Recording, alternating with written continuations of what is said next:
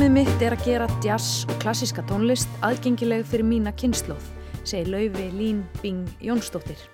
Nú heimstækt undir íslenska fornafni sínu Lauvei. Hún hefur náð ævintýralegum árangri á tónlistasviðinu á undaförnum tveimur árum. En svo velgengni virðist bara röggrétt framhald af aðdraðandan.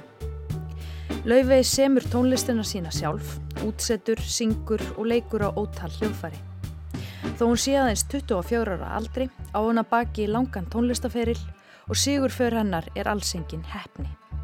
Í fyrra gaf hún út plötuna Everything I Know About Love sem sló rækilega í gegn og í kjölfarið seldist upp á tónleikaferð hennar um Bandaríkin, Asíu og Ástralju. Í september sendi hún frá sér sína aðra soloplötu sem nefnist Bewitched eða undir álögum og fer nú með heiminskautum á streymisveitum. Laufey verður hluti af hátíðadagskrá Rásar 1 og annan í jólum ræðir Halla Harðardóttir við hana um ferilinn og nýju plötunennar í sérstakum þætti sem nefnist undir álögum. En í þessum þætti ætlum við að heyra meira af því hvernig hinn íslensk-kýmverska listakona varði einn mest spilaði jazz tónlistamæður á Spotify í fyrra. Ég heiti Þóra Tómasdóttir og með mér er Mattias Már Magnússon. Hann er dagskarstjóri Rásar 2 og gangandi alfræði orðabók um tónlist. Hún er uh, celloleikari í grunninn, klassísk mentuð, hefur spilað með symfóníkljónstinni á cello á, á tónleikum hérna heima og, og fer svo út í, í tónlistanám til bandarækjana, uh, unga aldri. Við Matti ætlum að ræða um velgengni lauvegar sem hófst eiginlega á samfélagsmiðla. Ég tók fyrst eftir henni þegar að Billie Eilish tók myndbrot sem hún gerði á, á Instagram þar sem að Lauvi var sem sagt, að gera sína útgáðu af einhver Billie Eilish legin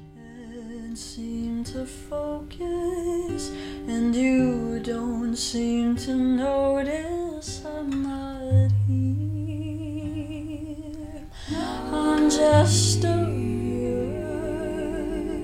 You check your complexion. Billie Eilish tekur þetta Instagram story og, og setur á sína tímalínu eh, fyrir framann 68 miljónir fylgjenda sína og það kom henni held ég tólti svona á kortið í þessum, þessum svona internet heimi. Það er alltaf mjög mikið af tónlistafólki sem að er að gera svona lítil brot þar sem er að flytja sínar útgáfur í einhvern nýjum búningum af vinsalum, pop, poplögum.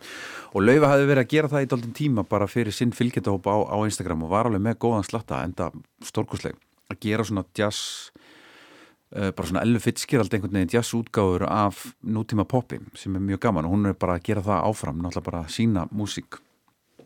Og fundið einhvern veginn að, að, að hér er bara markkópur og fullt af fólki sem vil hlusta á þetta á, á öllum aldri. Ég veit af, af 14 ára úlingstelpum sem að dyrkana sko. En eru samt líka að hlusta á, á Kendrick og Kanye og, og, og allt það sko. Og kannski ekki sami markkópur og væri að hlusta á hana með symfóniuljómsett alls ekki sko, alls ekki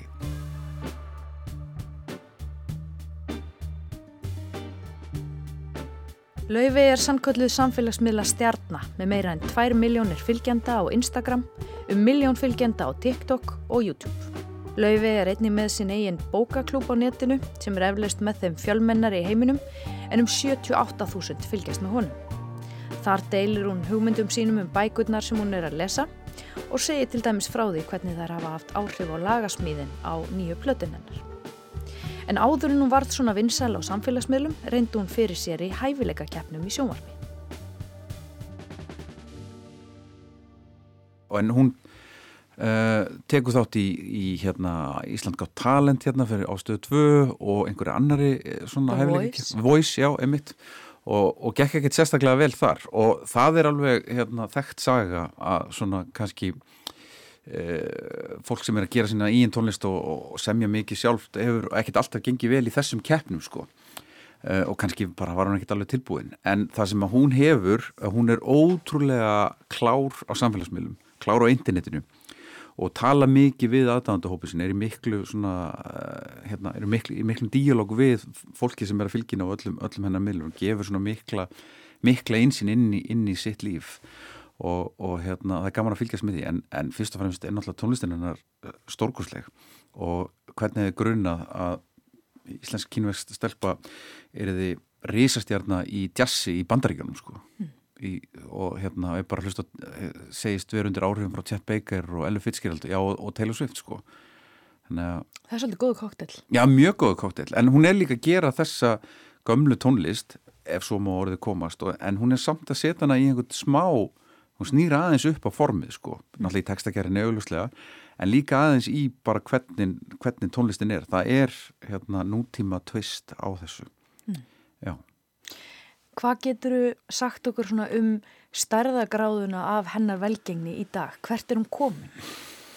Hún er uh, Spotify og algoritmi og spilunatölur eru svona doldi búin að hérna, ruggla mann doldi í rýminu um einmitt hvar fólk er eins og ég sá einhver frétt núna í, í vikunni þar sem að segi laufi tekur fram úr björg en hérna það tekur engi fram úr björg sko. Mm.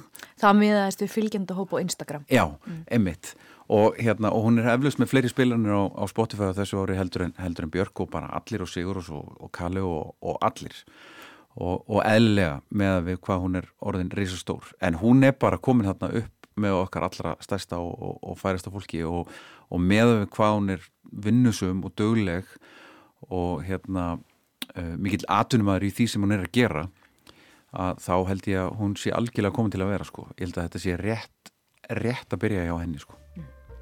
þannig að hún áttur að fara að herra sko, ennþá herra Áður fyrir mældist velgengni tónlistarfólks oftast í fjölda seldra platna en hvernig er velgengni tónlistarfólks mældi í stafrænum heimi?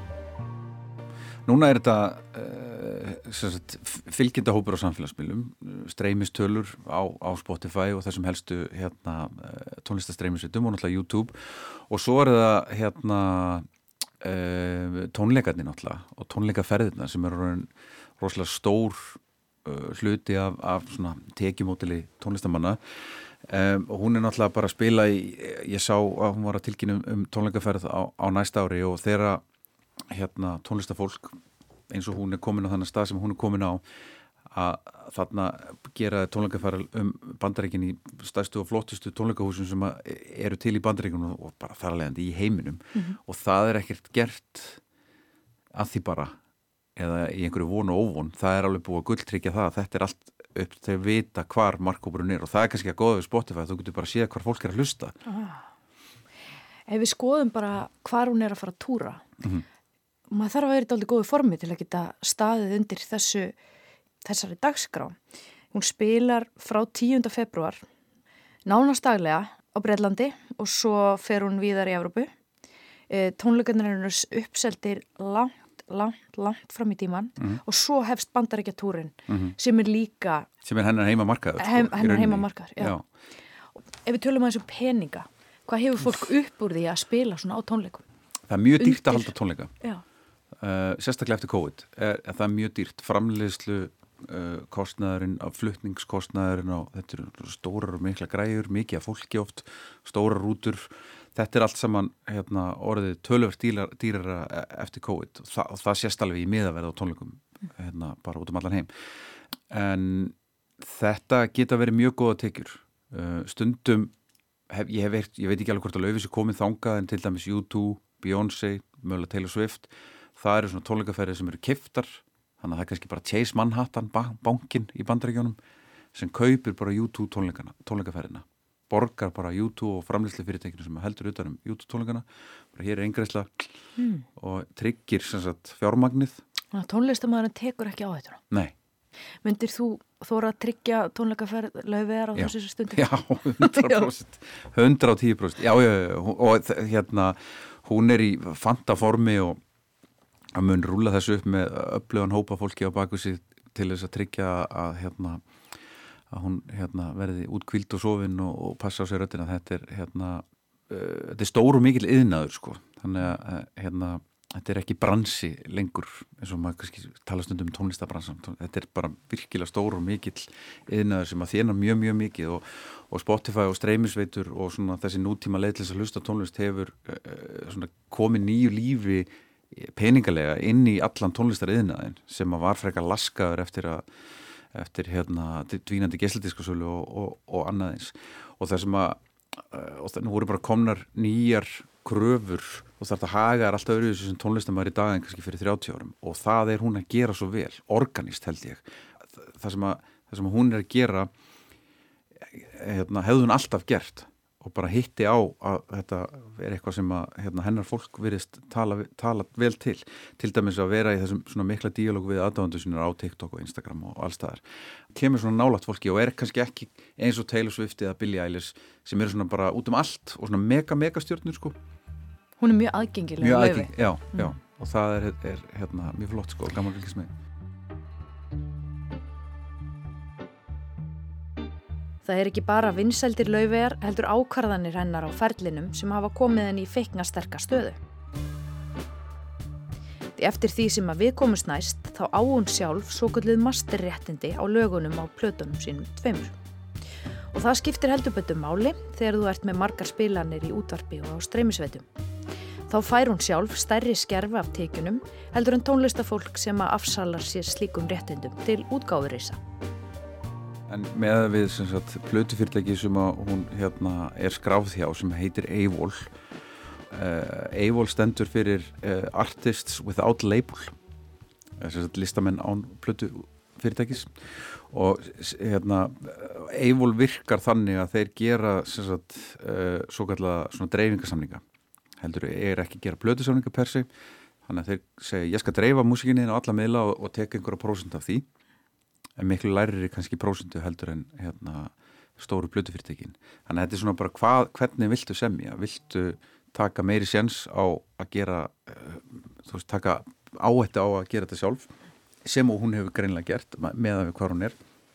Og svo getur við farið og gert samningu stórt blötufyrirteki og það hendar sömu tónlistafólki mjög vel. Og þar alveg ertu þá að kaupa þá þjónustu og þá, þá kannski semur að þeir herri prósundutölu mm. og það virkar fyrir suma sko Við vorum aðeins síðan áðan að reyna að rekna út hvað hún geti haft upp úr til dæmis spilunum á Spotify. Geðu okkur svona einhverja grófa mynd af því hvað manneskja eins og hún getur bara hreinlega þjennað á spilunum á Spotify.